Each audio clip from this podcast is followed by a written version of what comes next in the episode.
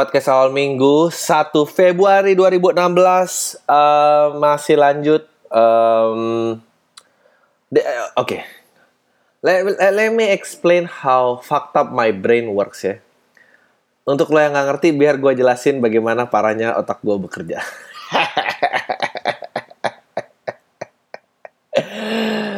Um, jadi gue tadi ceritanya hari ini gue eh, ngabisin seharian bersama bokap gue. Em, jalan-jalan lah seharian menemani beliau. Eh, udah gitu, gue tahu nih gue balik tuh jam 6 gitu dan gue mikir, ah gila, kayak gue harus mulai rekaman podcast deh. Em, gue harus rekaman podcast, kelarin jadi biar gue nggak begadang-begadang banget, bisa gue upload. Uh, terus semua bisa dinikmatin di Senin pagi. Uh, ya udah kayak gitu kan. Nah terus for for some weird reason ya, gue udah gue udah tahu gue udah nyampe rumah, gue tahu akan um, uh, akan ngelakuin podcast. Terus gue tiba-tiba kepikiran kayak, ah gue lagi duduk, lagi ngelamun, tiba-tiba gue kayak ngeliat kamar gue, gimana kalau gue beresin kamar dulu baru rekaman podcast? kayak lu, lu pernah gak sih kayak gitu di otak lu? Kayak lu mesti yang ngelakuin apa, lu tahu itu yang kewajiban lo gitu, kayak gue wajib ngelakuin podcast ini tiap tiap seminggu sekali gitu, dan kayak, oh iya, kayaknya gue nyuci baju dulu deh, atau apalah, nelfon dulu, atau ya udah, terus ke distract aja gitu. Dan yang anehnya lagi, gue otak gue tuh ke distract ke hal-hal di mana kayak gue mau beresin kamar. Ini bukan cuma kayak masalah beresin spray atau beresin apa gue beresin kayak ini. Kayaknya enak deh kalau ngurutin DVD bajakan gue per alfabet. Sumpah men. Gue tiba-tiba ada laci gitu isi tempat DVD bajakan dan gue ngurutin aja gitu. Tapi lucunya otak gue kan gampang ke distract ya. Lucunya begitu tapi otak gue tuh konsisten sama distrekannya. Anjing aneh banget. Kayak gue tuh konsisten kalau udah ke distract begitu ke distract gue konsisten sama apa pun yang mendistract gue itu anjing yaudah adalah. Terus gue akhirnya nyusunin deh DVD bajakan gue anjing ngapain coba? Nggak guna banget. Padahal gue bisa manfaatin untuk rekaman podcast. Mungkin biar mood gue nggak jadi jelek. Eh gue malah rekaman. Aduh. Eh, ya udah terus gue jadi nyusunin ya lihat-lihat kayak anjing nih apa ya gunanya semua ini gitu? DVD DVD ini. Terus gue jadi kayak ini deh, lo ingat gak sih zaman itu? Zaman di mana lo menganggap ngoleksi DVD itu penting? Hah Emang tai ya itu itulah yang tai. Eh, menurut gue dengan mengikuti perubahan zaman. Apalagi di era internet dan digital ini. Hah? ya gak sih? Eh kayak anjir gue yakin masih banyak ya orang-orang yang bahkan nggak punya DVD gitu. Terus ya udah gitu. Kayak eh, terus mungkin keluarganya baru ngincer mending deh kalau udah kebeli DVD player atau apa gitu. Kalau belum kebeli nggak apa-apa gitu. Tapi kalau misalnya kayak dia baru dua bulan beli terus tren udah ganti sekarang udah Blu-ray terus kalau nggak udah download file aja terus kayak aduh itulah yang tolol dari ngikutin perkembangan jangan gue gue beneran mikir gue jadi kayak akhirnya gue timbullah inspirasi untuk membahas ini cie gitu. Ya gue kayak kepikiran gitu. Anjing nih DVD DVD ini dulu play role loh. Dulu memegang peran yang lumayan penting dan kayak oh ngoleksiin tuh seru apa mungkin karena bajakan di mana-mana internet belum secepat itu waktu itu. Terus kayak ngikutin TV series luar negeri tuh kayaknya seru gitu. Ah si Adri nih bahasannya anak Jakarta Selatan banget yang di luar kan nggak beli DVD bajakan TV series banget kayak gitu. Ya karena Em, ya udah terus gue jadi kayak lu lu pernah kepikiran gak sih kayak sekarang DVD teknologinya udah bukan DVD lagi udah Blu-ray terus bahkan orang udah nggak pakai kepingan orang pakai digital aja gitu terus kayak berapa banyak ya industri yang mati gara-gara perubahan zaman yang cepat gitu lu, lu pernah mikir gitu gue pernah mikir dan itu fakta dan menurut gue gue percaya perubahan zaman itu tidak boleh cepat tidak boleh terlalu cepat. Orang-orang bilang kayak, wow kita ini harus keep up, jangan pernah takut persaingan. Kapan kita menjadi bangsa yang berani bersaing? Kalau Netflix aja diblokir, p p p p p. So tahu loh, lo tuh lo tuh lo tuh nggak mikir ngomong kayak gitu. Lo tuh nggak mikir. Lo coba pikir ya. Oke baik, kita lihat ke DVD. Eh, tadi gue DVD ngeliat. DVD pada saat teknologi berubah menjadi di, dari analog ke digital bentuknya terus bisa bagus banget ya udah DVD itu kan ada industri-industri yang lain bergerak uh, yang bikin DVD playernya oke okay? terus ada fitness fitness center yang oh kayaknya kita harus pasang DVD nih untuk melayani customer kita oke okay? terus ada mobil-mobil yang berpikir kayak oh kita harus pasang DVD nih di mobil-mobil kita diciptainlah departemen-departemen baru. Nah, once teknologi itu obsolete, obsolete, bukan absolut, obsolete, udah nggak dipakai lagi, semua orang itu dipecat, men. Dan industri itu mati. Dan kalau emang yang industri-industri yang cakarnya dalam, mungkin dia nggak kolaps, tapi ya beberapa departemen hilang lah. Kasihan yang uh, apa kasihan yang emang 100% investasinya waktu itu ah kayaknya gue bisa cari peruntungan di dalam bisnis yang berkaitan dengan DVD lah. Entah ngejual DVD cleaner entah menjual lap yang bisa ngelap DVD entah bisa uh, ya apalah apa pun yang yang yang yang di seputar itu gitu karena orang mencari makan kan di di pada saat ada inovasi yang bisa men menjadi mayoritas penetrasi pasar, itu akan menimbulkan riak di industri-industri lain yang akan menciptakan barang-barang yang mendukung industri ini tersebut. Nah, pada saat inovasi terjadi terlalu cepat, begitu itu berganti, semua industri itu rubuh. Nah, itu ada orang-orang yang menggantungkan hidupnya di situ. Lo pernah berpikir sejauh itu? Nah, fakta kan? Lo nggak pernah. Karena lo cuma ya masyarakat kelas atas yang ngambek kalau kebutuhannya nggak dipenuhin aja ya that's why lu bete sama Netflix diblokir. Nah bener. Dan lu dan lu dan lu pikir tujuannya apa sih sebetulnya tujuan hidup ini tuh apa sih? Satu tujuan kehidupan ini yang sangat universal yang mestinya bukan mestinya sih dan emang di di diadopt, diambil untuk diaplikasikan ke seluruh masyarakat global.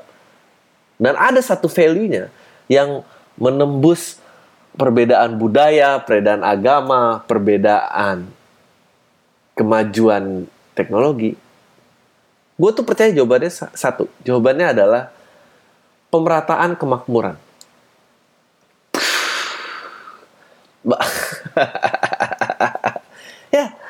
um, pemerataan kemakmuran. Jadi bahwa yang kaya jika ingin menjadi lebih kaya, dia berinvestasi terhadap sesuatu. Itu tuh kayak gunung trickling down ke bawah dan semua tuh harus dapat makan sampai lini yang terbawah. Oke? Okay?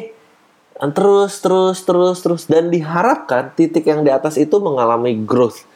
Semua semua dan idealnya adalah growth titik teratas itu berbanding terbalik dengan growth dengan yang paling bawah. Jadi lama-lama masyarakat tuh catch up sampai ke titik tertinggi. Seolah-olah itulah yang akhirnya hari akhir itu adalah sebuah komunisme. Wah. Di mana sebetulnya utopia itu adalah di muka bumi ini bahwa surga itu tidak perlu menanti setelah mati ya pembagian kemakmuran. And can you imagine what happen if setiap inovasi itu terganti ya dalam kurun waktu less than 10 years? How many people can adapt? How many people can gain? Berapa banyak? Oke, okay, gue harus terjemahin sebelum gue bahasa Inggrisnya lebih jauh lagi. Berapa banyak orang yang bisa beradaptasi? Berapa banyak orang yang nggak mati dalam perubahan itu berapa banyak sih sebetulnya? Hah? Selain lo masyarakat menengah ekonomi ekonomi menengah ke atas, hah? Siapa? Pertanyaannya itu dong. Karena kan sosialisme, komunisme nggak mau kan ceritanya dulu nih. Ceritanya, eh eh, it's, it's it's great, it's fucked up ya betapa otak gua dari bersihin DVD bisa ke titik ini. Kalau tadi nggak mau kan tadi dunia ber, kan dunia berputar karena kapitalisme, karena uang. Oke lah kita yang secara sepakat atau tidak sepakat setuju dengan faham itu karena tadinya kan uh, paham ketiga itu meledak paham ketiga adalah kapitalis ya waktu itu sosialis dan komunis itu jadi satu lah anggapannya gue agak sulit membedakan dua itu uh, abis itu fasis meledak kan dan komunisme dan eh kapitalis dan si komunis ini merasa ya udah kita bersatu dulu lah kita perangi kita perangi kita perangi uh, fasisme. Pada saat itu yang menganut fasisme adalah Jerman dan Jepang. Runtuh. Oke, okay? habis itu kembalilah ke jalan masing-masing. Habis itu Rusia sangat maju. Rusia sangat aktif dengan inovasi-inovasinya.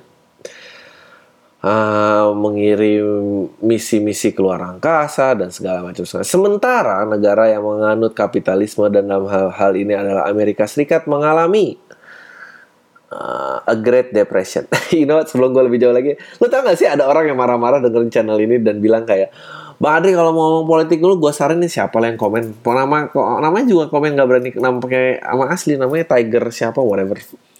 Ya namanya pakai nickname gitu. Mungkin Tiger adalah CEO-nya. Seperti ya nggak jauh lah pemikiran kreatifnya dari kenapa nama Mario Teguh Twitternya itu MT Honey kalau Mario Teguh menyebutkan dia paling suka apa ya kalau dia mungkin hanya menyebutkan sionya anyway dia komentar kayak ah oh, bang gue saranin lu baca buku dulu deh kalau ngomongin politik. Uh, apa bedanya lo sama TV yang ceplas ceplos ceplas lo mau tau nggak apa bedanya? Bedanya gue nggak mempengaruhi banyak orang. Itu satu. Kedua ini channel komedi. Itu berita yang satu lagi. Ketiga gue bukan nggak pakai alat ini buat politik men. Dia pakai itu alat politik. Itu bedanya. Siapa yang jahat? Jadi uh, tolonglah yang punya protes-protes terhadap channel ini ya. Kalau lo emang punya segitu banyak energinya untuk protes proteslah ke jalur-jalur yang pantas untuk diproteskan. Karena so fuck you lah. Karena gue yakin gue emang nggak banyak baca buku tapi gue yakin gue nggak salah sama gue yakin gue nggak lebih salah daripada yang di TV itu aja. Anyway apa tadi? Ah oke, okay. Amerika dan Rusia, Great Depression yang uh, bertepatan. Jadi Amerika kata katanya berusaha menutupi uh, depresi itu dengan kayak oke, okay, fuck kita ikut aja lah bikin ngeluncurin um, bikin misi-misi luar angkasa yang saat itu Rusia udah aktif kayak ngirim monyet, ngirim anjing mereka Amerika nggak dan kita lagi Great Depression masyarakat katanya butuh pengalihan isu ya udah akhirnya dibikinlah mendarat di bulan bla bla bla bla pokoknya Rusia ini sangat kokoh. Dan waktu itu ya negara-negara kecil kayak kita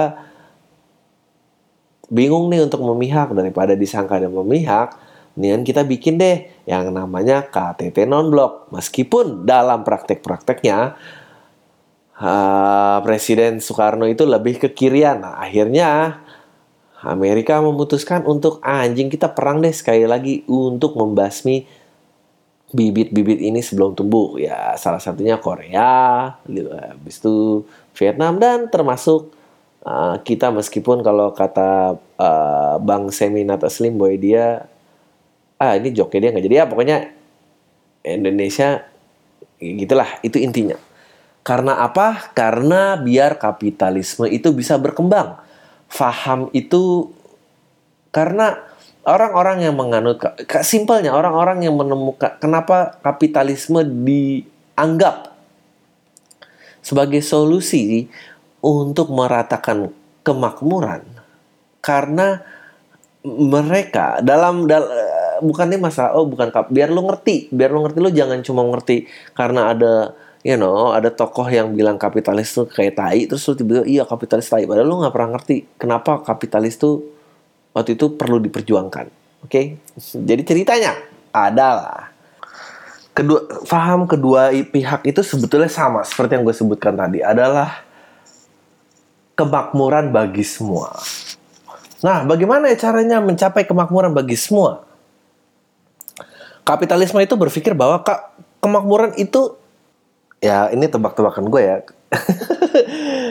Kapitalisme itu adalah uh, uh, apa syarat uh, apa semangatnya itu adalah semangat persaingan. Jadi misalnya ada dalam satu kota ada lima penjual jeruk. Nah, kalau semua lima-limanya jualan jeruk, si B akan berpikir, anjing gimana ya caranya gue jualan jeruk biar beda daripada yang lain. Terus si C kayak, ah gue karena B udah melakukan sesuatu, kayaknya gue harus bikin sesuatu juga. And then C bikin sesuatu, terus habis itu C udah gitu, terus dia mikir, ah kayaknya udah kayak gini-gini, gue gak ikutan deh jualan jeruk, gue jualan yang lain aja. Gitu. Nah habis itu si E mikir, ah kayaknya jualan jeruk makin susah lah.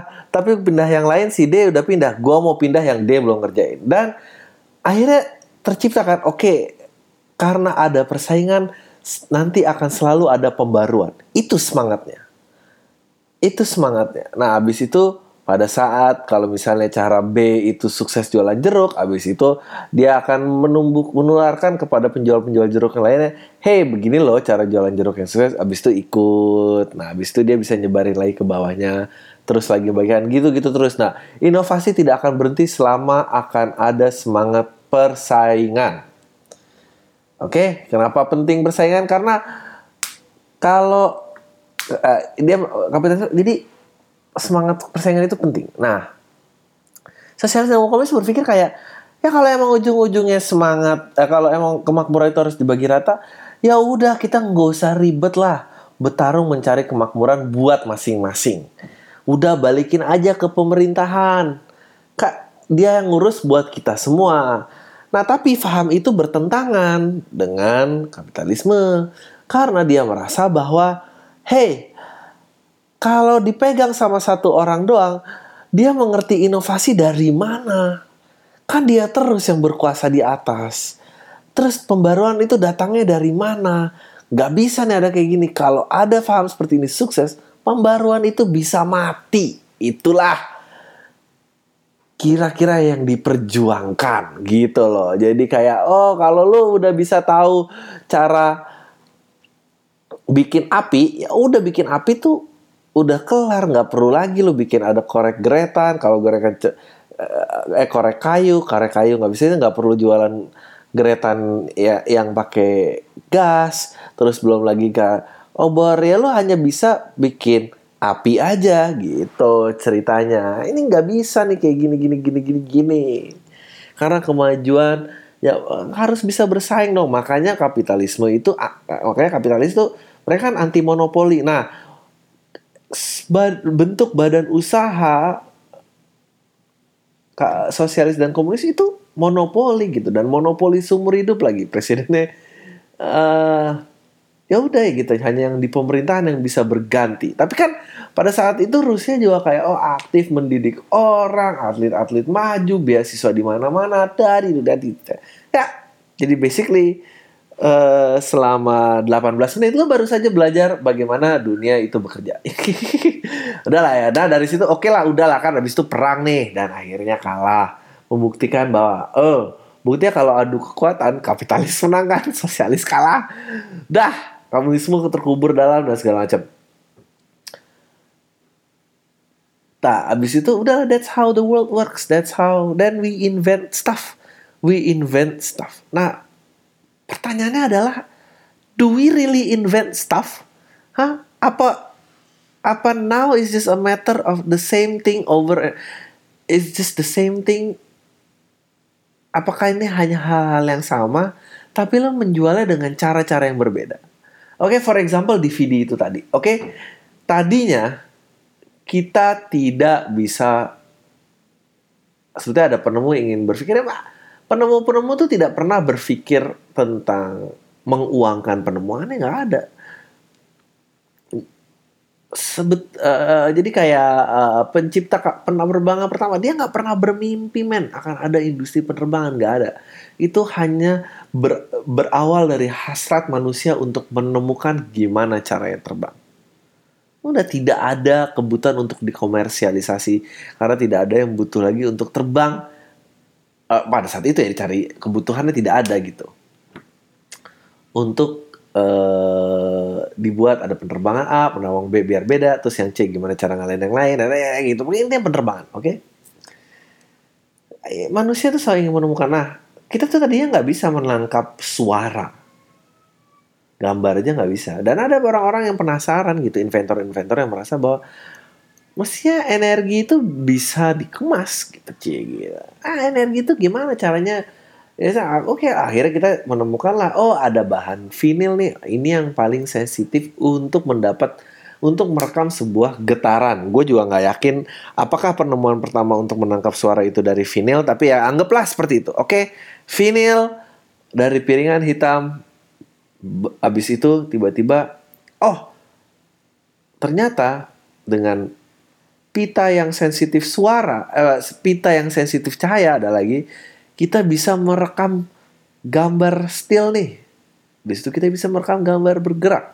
Nah, ah, abis itu dikombinasikanlah semua keduanya gitu. Ada satu jadi kaset, eh, abis itu jadi CD, itu seru CD. Abis itu kayak tadinya kan roll film oh gimana ya caranya ini nggak penemuan ini nggak cuma dipegang industri gimana orang-orang di rumah bisa pegang habis itu bikinlah video waktu itu mungkin, mungkin anggaplah gue mungkin salah anggaplah penemuan pertama itu adalah video oke okay?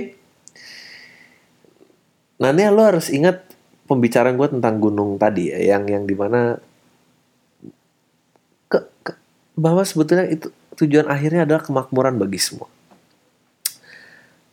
Lima, keadilan sosial bagi seluruh rakyat Indonesia. Satu, kenapa kalau ditanya Pancasila kelima, sila kelima apa? Lu pasti kayak ketuhanan yang maha.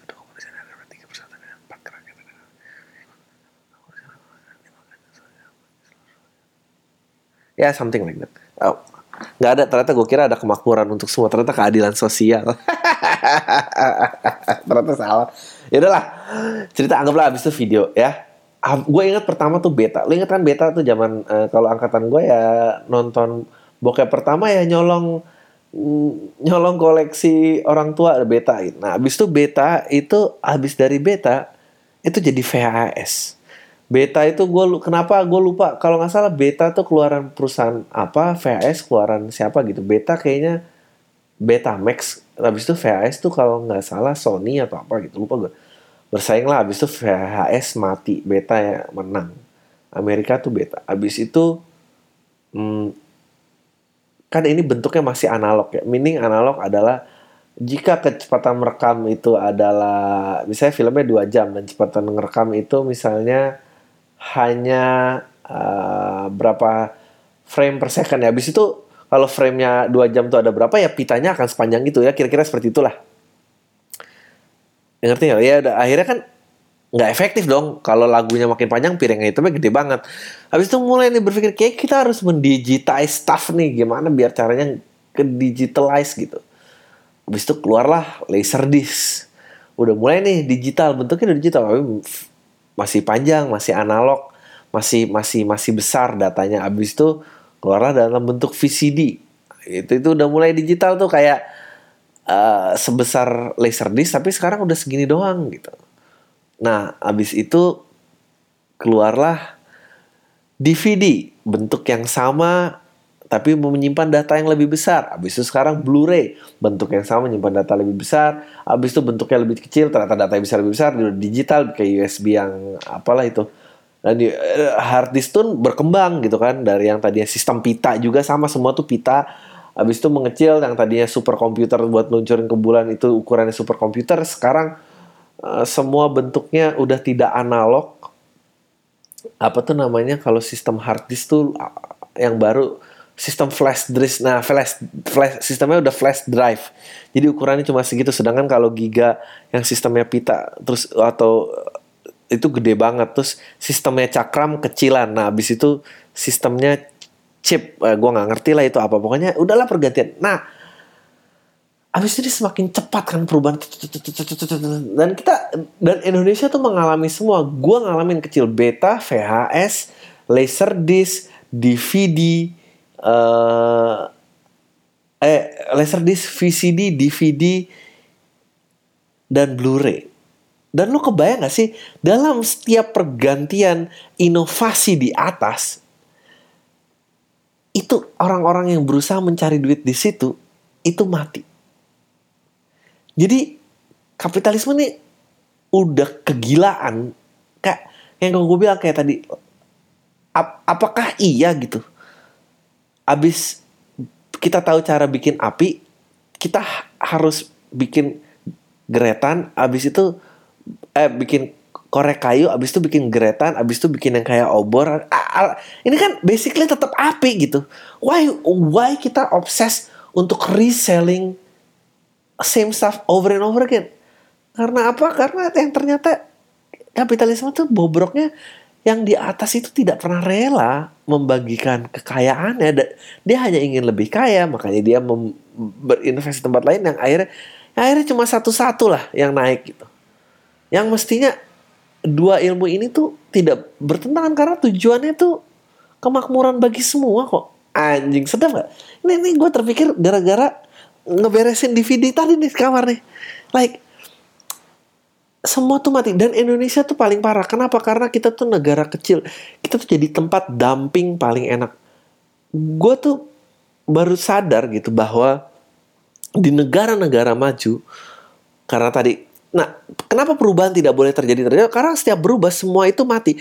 Sebuah inovasi itu harus bertahan cukup lama menetap menancapkan akarnya sampai dalam. Jadi itu buat tangga-tangga orang bisa naik yang lain gitu oke lah yang pak kalau tengah hancur lagi yang tengah atas doang yang selamat abis itu orang baru uh, gunungnya baru kebentuk tengah doang belum jadi gendut jebret hancur lagi itu jebret selama lamanya tidak akan bisa menggapai ya ini yang akhirnya menjadi gap si kaya dan miskin semakin jauh gitu nah Indonesia tuh parah kita menjadi tempat dumping karena karena ternyata kita tuh selalu ngikutin perubahan. Nah inilah yang yang gue nggak ngerti sama netizen netizen Indonesia yang merasa ah sih ya cuma ya, ya, ya lo, lo ngerti gak sih kalau kita tuh setiap kita mengikuti perubahan kita merestart garis kemakmuran. Lo tuh nggak berpikir, lo tuh nggak, lo tuh cuma mikirin lo pengen nonton Netflix doang. Nah sekarang aja negara maju tuh negara yang maju itu melindungi rakyatnya dari dumping atau inovasi negara-negara lain. Ternyata di Amerika aja itu mereka cuma beta mereka nggak pernah VHS karena Jepang. Gue lupa kebalik gue lupa VHS yang punya siapa apa beta yang punya apa. Pokoknya salah satu punya Jepang satu punya Amerika mereka cuma kasih video beta misalnya kalau tentang film ya beta VHS nggak ada laser disc nggak gitu meledak VCD nggak gitu meledak biasa aja DVD baru meledak jadi yang lain tuh ya udah bertahan di situ bisa. Oh, toko-toko rental menjamur di mana-mana. Orang-orang bisa cari rejeki dari situ. Oh, fitness-fitness center bisa pasang VHS. Oh, bioskop-bioskop lama uh, kalau bioskop urusannya mungkin dia bisa ngebeli gelondongan itu karena ka, karena gelondongan karena film film itu masih terus diproduksi. Kenapa produsennya terus produksi? Karena industri bawahnya masih mau pada beli gitu. Akhirnya itu makmur kan, itu merata. Itulah yang membuat pembangunan. Itu akhirnya sini bisa bangun toko DVD ini di sini terus besok ke mana? Oh kepikiran oke okay, oke kita bisnis bahan baku pembuat pita video deh. Habis itu meluncur lagi ke bawah. That's how great it is. Itu kalau inovasi bertahan lama. Dan Indonesia berusaha seperti itu. Tapi kita tuh selalu ya kagetan gitu. Beta diikutin, jebret. Baru menjamur tempat, oke okay lah tempat rental nggak mati. Tapi tempat itu mati, produsen produsen playernya mati. Penjual-penjual toko elektronik harus ganti. Buang kerugiannya kalau dia overstock, ganti VHS. Karena VHS yang lagi baru beli lagi kalau lagi overstock ganti lagi laser disc Padahal pembangunan kita belum selesai. Mungkin di Jakarta ada toko rental video di daerah lain belum ada. Tapi kita udah ganti lagi, restart lagi. Ganti ke laser di semua, restart lagi. Banyak lagi. Sampai akhirnya jebret jadi digital. Jadi digital. Ya udah, pembajakan merajalela. Dulu pembajakan juga ada, tapi pembajakan tuh lambat karena pembajakan harus meniru fisik, harus meniru analog ternyata untuk membasmi pembajak itu pembuat inovator menjadi pembajak itu sendiri ya nggak? Ya nggak sih? Kayak lo pikir, ah bodo amat topik ini serius sekali sekali udah lama. Ini uh, ya udah, nah, ya itulah. Lo kebayang gak sih sekarang itu masih bentuknya ada fisiknya digital fisiknya sekarang semua digital ada internet yang full speed ada digital pertukaran informasi tak pernah mencapai secepat ini abis itu apa yang mau dibangun lo tahu gak sih apa yang mengerikan dari internet dan digital? Internet dan digital itu adalah sebuah wadah inovasi. Tanpa infrastruktur gue yakin gue yakin pembangunan akan berhenti. Gue yakin.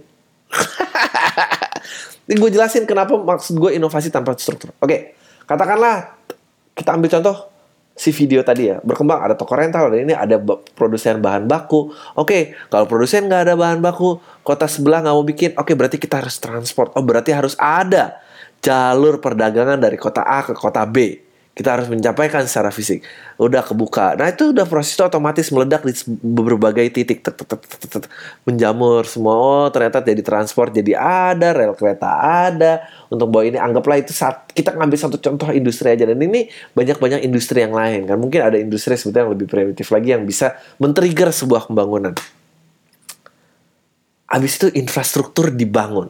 Jalanan dibangun. Oke? okay? Ya anggap kalau lo mau analogi telepon lo juga bisa tuh kabel telepon perlu digali. Nah Indonesia tuh nggak semua kampung gua kampung ibu gua di Padang itu sampai sekarang belum ada telepon. Jalur telepon tuh belum masuk. Tahun 96 gue terakhir pulang kampung tuh belum masuk. Listriknya masih pakai diesel. Lah sekarang listrik udah masuk tapi telepon belum masuk. Oke dan menurut lo telepon akan masuk sana? Nggak akan masuk. Karena apa? Karena udah digital. Karena lo udah pakai handphone, udah bangun aja BTS di mana BTS kan ya sekuat nih. Semua orang punya handphone, ya udah mati. Tapi kan bukan permasalahan handphone aja gitu loh. Eh telepon, karena telepon tuh akhirnya kabel telepon kan akhirnya menjadi digital optik kan. ADSL lain internet kan dari kabel telepon. Jadi ada orang-orang yang nggak punya internet. Tapi oh ya udah internet nggak usah tergantikan karena kan udah pakai BTS, pakai handphone ya udah dari handphone aja internetnya gini-gini. Nah, gue tuh inget gue parkir mobil aja tuh di kaki gunung gue harus daki gunung dulu harus sampai ke rumah gue. Menurut lo jalan akan dibangun nggak? gue tanya nih semua lo yang ngerasa Indonesia harus siap saing. Terus kemakmuran di mana? Now perubahan akan mencapai kecepatan tertingginya. DVD ini udah obsolete, udah obsolete, udah nggak ada berdua, udah nggak berlaku. Nah kita akan mati. Amerika tuh boleh kayak gitu karena? Karena pembangunannya boleh dikatakan udah selesai. Kita harus mengejar pembangunan, tapi ada nggak needs untuk pembangunan itu? Nggak ada, men. Nggak ada. Terus lu lu nanya kenapa Terus orang-orang musisi bilang, stop pembajakan, hargai musisi Indonesia. No. Kita, eh, dumping tuh ada, ke, pemerintah tuh bisa, ya gue balikin lagi ya, pemerintah tuh bisa melindungi kita untuk nggak menerima semua hasil yang mau dijual atau siapa yang a, ya, semua hasil yang diinovasi negara lain. Kita bisa. Tapi kenapa itu nggak Jepang tuh melakukan itu loh Jepang tuh ngeblok dirinya dia. Dia hanya mau ekspor, dia tidak mau terima impor. Dia ngebangun mobil. Pada saat dia kalah perang dunia kedua, senjata perkembangan senjata dia dilucuti, dia hanya boleh konsentrasi di bidang-bidang tertentu. Salah satunya otomotif dan mungkin salah satu yang bisa disebut lagi adalah manga uh, atau atau semua semua tokoh-tokoh hero Jepang.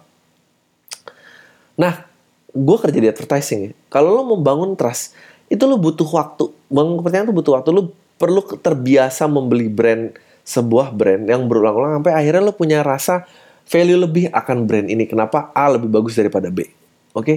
nah itu terjadi set, ber, bertahun-tahun sampai orang tuh eh gue maunya pakai mobil Jepang, gue mau baca komik komik Jepang, gue ini mungkin orang nggak punya secara bebas memilih bahwa dia ingin barang Jepang karena emang udah diatur sedemikian rupa. Tapi karena diatur dan tidak ada pilihan lain lama-lama ibaratnya gini deh. Kalau dikurung sama satu orang terus lo nggak nafsu eh, lo nggak cinta gitu. Tapi kan lama-lama nafsu kan nah, lama terus, terus dikurung sekali lama ya lama-lama ya cinta juga lah gitu. Lama begitu satu ditarik ya lo ngerasa kehilangan lah. Lo jadi juga gitu. Makanya itulah inspirasi dari lagu aku bisa membuatmu jatuh cinta kepadaku meski kau tak cinta. Beriku sedikit waktu biar eh, na na na na na. Ya itulah dewa ya udah lama ya. Ya begitulah terjadi juga dengan toko buku tadi bisa ada produsen kertas ada ini. Uh, apa lo ngomong debat gue eh tapi kan kertas itu tidak ramah lingkungan bang. Pi pi pi pi, pi gitu uh, ini merusak karena uh, kertas itu terbohong terbuat dari uh, pohon. Kita kapan pernah mau peduli lingkungan? Emang kertas harus kalau bentuknya digital nggak masalah gini gini. Satu gue kembali lagi tentang kesemakmuran untuk semua. Mestinya setiap kota tuh punya pencetak kertas dan habis itu bisa cari lagi, habis itu di bawahnya ada loper koran. Ya pokoknya semua orang bisa cari duit dari situ lah. Menurut lo kalau menurut lo kalau kok koran kertas itu merusak lingkungan, ha, dan semua digital tuh nggak merusak lingkungan, baterai yang diproduksi untuk memberikan power terhadap alat-alat yang lu pegang, emang tuh dampaknya apa kalau ya emang pohonnya ada. Tapi yang lain emang tuh baterai dibuang ke mana? Ah eh. itu Netflix lagi lu suruh masuk sih. Lu gue kasih tau ya. Lu kebayang gak sih kalau RCTI itu kolaps? Berapa banyak orang yang bisa habis dan itu harus restart lagi dari nol? Dan gak dan kita oke okay, kenapa kembali ke Jepang? Oke okay, kenapa akhirnya ada trust. Kenapa trust itu perlu dibangun karena pada saat tidak pilihan akhirnya lu, lu suka juga. Oke? Okay? pada saat hubungan itu kuat begitu dia berani menerima impor dia datang Mercy gue nggak apa-apa pakai Honda.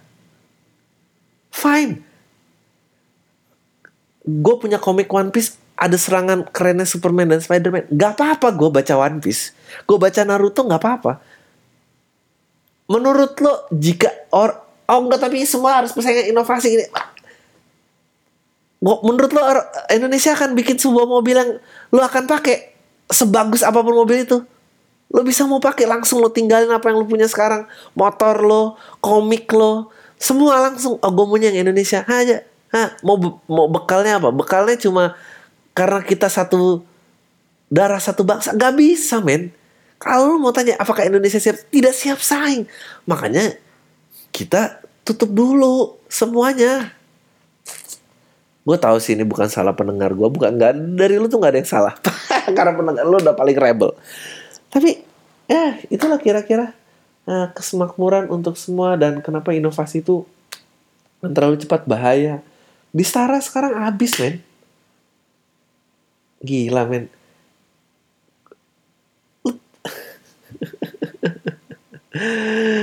Gue tuh dulu SMP ya. SMP tuh tahun 96 sampai 99 itu udah ada Windows. Tapi ya perkembangan karena internet dan perkembangan informasi pertukaran yang belum secepat itu gue SMP masih belajar WordStar dan Lotus One Two Three loh.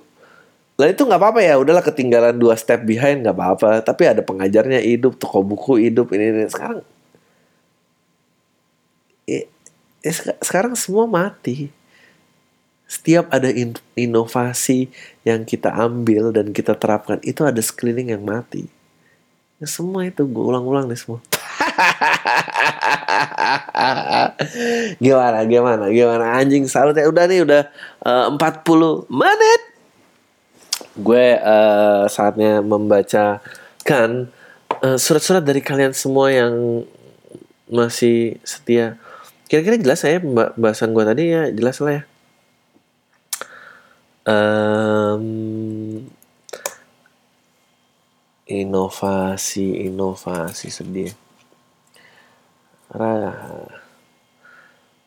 gue padahal kalau padahal ya sama aja lah padahal kalau Netflix masuk ya ampun padahal ya setiap provinsi di Indonesia aja nggak punya stasiun TV-nya sendiri. Terus sekarang mau digital ya udah. Yang provinsi lu seumur hidup nggak punya nggak akan nggak akan dibangun infrastruktur untuk membuat televisi hancur semua men bisa siap saing tai lu semua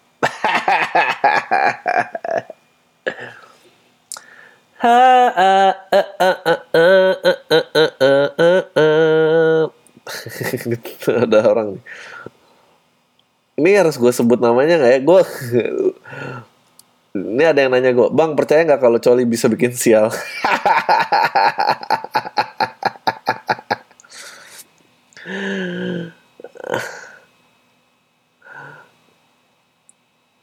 uh, astaga. Ini masih aja loh ada yang komen-komen bang flu burung mah H5N1 ya gue nggak hafal ya lu tahu lah emang. Kalau gue ngasih tahu yang salah tuh kenapa sih? Emangnya emang ada tesnya nggak ada tesnya juga gitu. Nah ini email tadi perlu disebut nggak namanya biar malu. Yang nanya bang itu. Percaya nggak kalau cewek bisa bikin sial? Gue sih nggak percaya lo emang tapi lo bisa nanya gini ke gue emang lo ada ada kejadian apa yang sampai lo kepikiran ini gitu? Apa lo kayak emang iseng kepikiran langsung email atau emang kayak hari ini kakinya kelindes motor gitu terus lu kayak anjing nih gue selalu kelindes kaki gue apa ya? Oh abis coli. Apa gitu anjing. Gue geli banget gue nggak biasa ngomong-ngomong kasar kayak gini. Ya tau lah gue nggak ngerti kenapa uh, lu nanya kayak gini ke gue uh, dari idam suggest next issue I found this article interesting and thought of sharing it with you check out oh ini ada yang ngirim ke gue uh, look tab untuk kamu yang kesepian dan gemar pelihara tuyul. Anjing apaan sih nih? Oh ini anjing ada ada ada boneka serem banget. Aduh, uh, uh, uh, uh, bagi yang mau buka uh, lu lu cap lu cari aja http titik dua backslash backslash mojok.co ya lu cari di situ look tab tabnya THEP si manis pengganti tuyul. Judul artikelnya untuk kamu yang kesepian dan gemar pelihara tuyul. Gue ngerti sama orang yang bikin judul kayak gini. Untuk kamu yang kesepian, of course, orang bisa nyaut ya gue kesepian gue kesepian oh, artikel ini bisa appeal ke gue tapi begitu kalimat begitu dan yang kedua ini loh dan gemar pelihara tuyul. Lo segmen marketnya langsung menyusut gitu kalau lo lo tau tau Venn diagram gak lo yang irisan dua himpunan itu tau gak? Jadi ada lingkaran satu menggambarkan ini orang-orang kesepian, ada lingkaran dua yang gemar pelihara tuyul. Nah ini irisannya di mana untuk kamu yang kesepian dan gemar pelihara tuyul? Tai oh ini orang-orang Thailand cerita di Bangkok sedang dilanda kegilaan pada suatu boneka. Gue benci banget nih boneka boneka muka orang gini, takut gue oh ini kenapa gambar benar tuh karena ternyata banyak orang yang meyakini boneka ini hidup. Anjing serem banget. Gue takut men kayak gini-gini men. Gue takut yang kayak gini. Gue takut manekin yang mukanya sangat orang. Takut gue uh, gue gue ngeri kalau diliatin terus ntar dia ngedip. Ya gitu tuh udah ya gitu lah. Oke. Okay. next. Pertanyaan buat nih dari Ulwan. Halo Mas Adri, saya pendengar PEM yang nggak setia-setia amat. Soalnya saya emang nggak gampang fokus ngelakuin kalau harus ngelakuin satu hal. Ya gue juga tadi harus ngelakuin ini, gue malah uh, ngurutin alfabet DVD bajakan gue. Eh, sekarang ngakalinnya dengerin PEM sambil main game. Walaupun saya jadi bodoh karena main game, setidaknya bisa pintaran dikit karena dengerin PEM. Mantap! Pendengar lain yang punya masalah serupa mungkin bisa niru. Anyway, uh, yang pengen banget saya tanyakan adalah joknya Mas Adri yang sering nyorotin hal fakta people with their relationship. Sebetulnya nggak how people fucked up with their relationship sih, it was my relationship juga. Betapa faktapnya. Lalu Mas Adri ini nikah karena emang udah menemukan finding the right woman atau modal Allah persetan paling gini-gini aja. Uh, jawabannya agak, agak dua-duanya. agak agak putus uh, eh, gue males ya menjawab jawab pertanyaan ini tentang ini by the way sukses stand up show-nya dan semoga beneran ada DVD dan digital downloadnya kayaknya ada sih kayak gue harus udah mulai jualan ya menyebarkan ke tempat-tempat yang lain uh, eh, gue agak males karena kenapa gue males uh, ngomongin kayak gini? Karena gue punya kekhawatiran gue punya perjalanan tersendiri kenapa akhirnya uh, nyampe di sini gitu. Dan gue di usia yang nggak udah nggak muda lagi gitu. Gue 32 tahun gitu. Dan perju per, pergelatan batinnya tuh panjang dan kayak generasi muda kita abis SMA semua tuh siap kawin siap ya ya itulah yang ya tau lah dengan tren-tren kealiman kealiman ini ya gue aduh alim kok ngetren ya gue ya gitulah kira-kira. Gue sih ngemalas ngomongin karena bersinggungan. Uh, ya, tapi kayak semua udah siap kayak udah tahu udah ini uh, karena itu yang diperintahkan banyak banyak nah, ya lu cari sendiri lah jalan hidup lo nggak uh, sese menyenangkan itu kok. Bang nonton House of Cards sama Game of Thrones kan ya? Enggak, gue nggak nonton. Gue harus nonton House of Cards uh, ngejar tapi nggak ini Game of Thrones juga baru mulai enggak ya.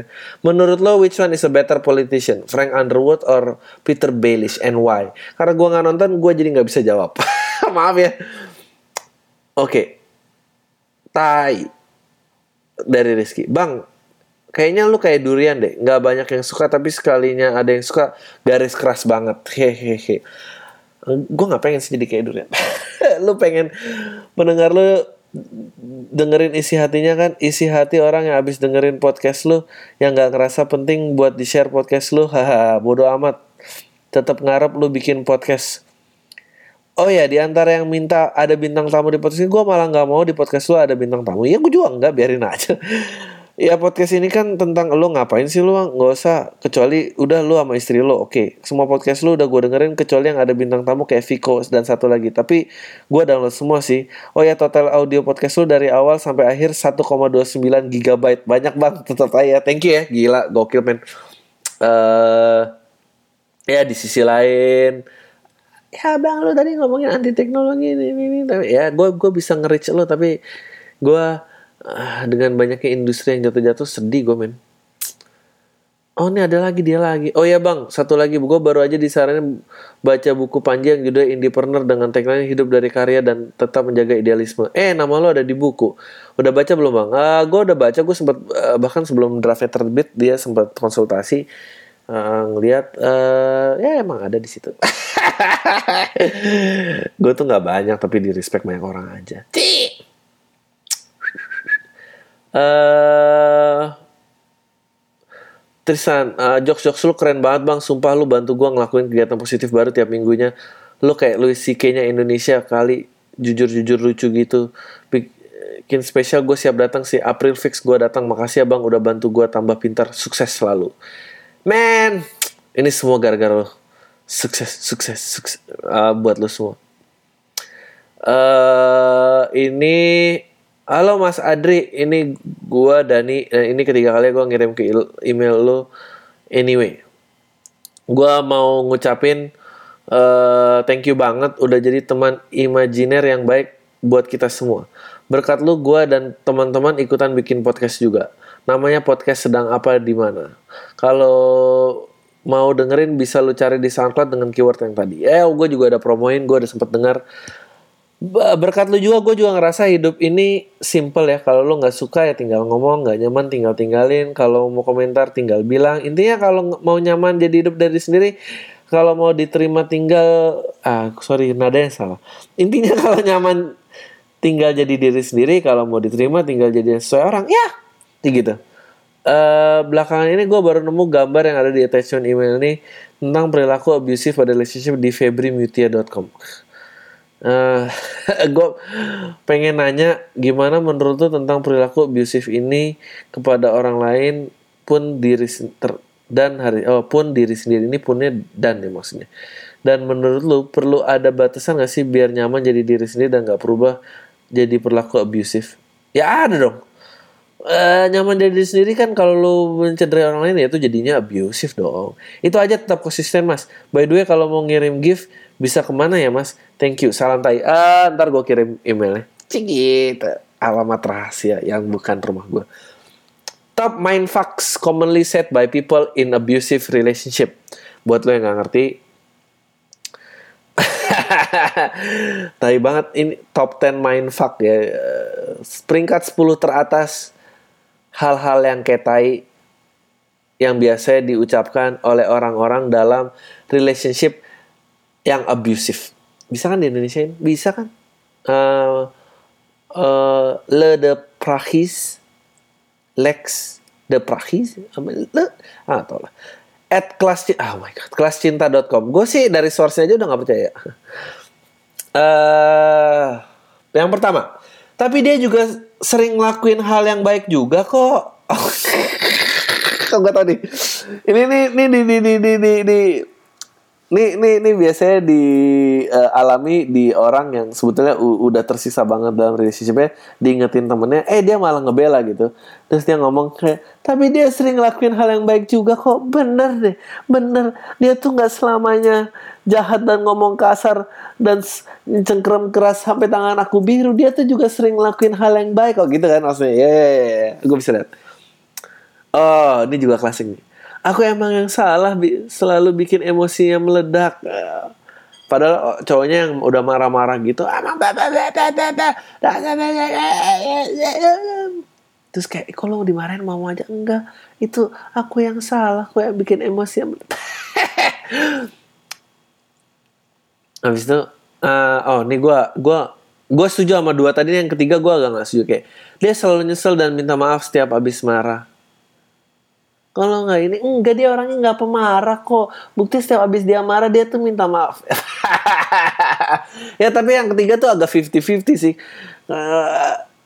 Ke- karena karena bisa aja orang yang abusive terus tiba-tiba mau sadar kan bisa aja mau sadar. Dan dia lagi dalam perjalanan situ jadi setiap marah dia masih mau minta maaf. Menurut gue tergantung sih ini ini. Ini dalam kurun waktu berapa kali? Ini dua bulan berapa kali marah ya nggak sih kalau kayak baru seminggu dia marahnya sekali terus lu bilang dia selalu eh dia baru marah sekali Gitu. dia sebenarnya lembut cuma kadang emosional ini agak mirip-mirip terus sekarang sih udah mendingan sih pasti akan membaik Enggak, ini yang kelima positif. Sekarang udah mendingan pasti akan baik. Ya, ya ini grow, grow. Harus ada grow. Kalau nggak suka cari yang lain aja. Tapi kalau lo mau berkembang bareng ya mungkin bisa bareng atau I don't know, I'm full of shit. Enam. Dia keras begitu karena dia sayang dan peduli aku banget. Nah ini juga 50-50 men Dia keras begitu kan Ya ya ya ah, Lu juga bisa ada abusive kayak Orangnya udah nyabut terus lu dicuekin Ya cowok gue sih asik men Gak pernah tahu. Gitu. eh, Gue Impression gue stuck di tahun 90an gitu Impression 90 orang gitu kan gitu. Eh dia sih asik banget men. Ini ini karena karena giting tuh identik beler. Padahal mah kalau mabok gak cuma beler banyak yang lain. Anjing gue jadi ngajarin yang enggak nih. Dia janji akan perbaiki diri dia kalau aku lebih ngertiin dia. Ah ya. Oh ini ini gue tau ini gue nggak setuju nih ya gue tadi hampir tertipu dia janji akan memperbaiki diri dia itu sebetulnya benar tapi kalau pakai persyaratan kalau aku lebih ngertiin dia ya ini nggak oke nih tapi kamu juga ini dong aku janji asal kamu juga enggak ini juga 50-50 menurut gue kasihan kenapa cuma aku yang bisa ngerti dia begitu ah ya ini blow on sih Kenapa lo gak putusin aja? Gak bisa, men. Lo tau gak sih? Kalau dia tau sama orang tuanya diginiin, nah ini kalau bukan gue siapa lagi? Nah, ya hero syndrome gitu. Oh, ini abusive nih. Dia udah banyak ngajarin aku, akunya yang bodoh ya. Ya mungkin lo bodoh. enggak, enggak, enggak, enggak. Yang ini bener. Dia tuh ngakunya butuh aku banget. Masa aku tinggal Eh tapi kalau dia butuh lu gimana, gimana sih? Nah, uh, ini agak mirip kasihnya. Gue nggak ngerti sini kenapa jadi top 10 ini ada sayembaranya apa gimana sih? Ada berapa kalimat yang lu lempar dalam voting ini sampai ini terpilih top 10? Apa emang ini cuma 10 hal yang keluar oleh penulisnya aja. Ini mah di karang-karang bukan top 10. Top 10 itu adalah ada survei lu kelar mungkin ada 30, ini 10 yang teratas. Orang-orang nih suka ini. Tapi gue ada yang beberapa setuju kayak satu dua tuh gue setuju karena tapi dia sering ngelakuin baik. Eh, that's not a good sign. Aku yang memang salah bikin emosi. That's not a good sign. Uh, dia udah banyak ngajarin aku yang bodoh. That's not a good sign. Tiga yang gua menurut gue agak krusial. Sisanya sisanya dia ngaku wah masa aku tinggal ah nggak juga sih uh, dia selalu nyesel uh, dia ngakunya butuh banget masa aku tinggal tuh jadi kepikiran masa aku tinggal tuh sering sering keluar lagi di tempat yang kayak gini. Anjing gue sebetulnya udah pengen putus tapi bentar lagi lebaran masa gue tinggal? Ada tuh orang matre juga pernah kayak gitu yang kayak gue gue tahun ini ulang tahun dia udah ngasih kalau gue putus sebelum ulang tahun gue gue gak dapet kado dong masa gue tinggal? Padahal udah gak sayang tai.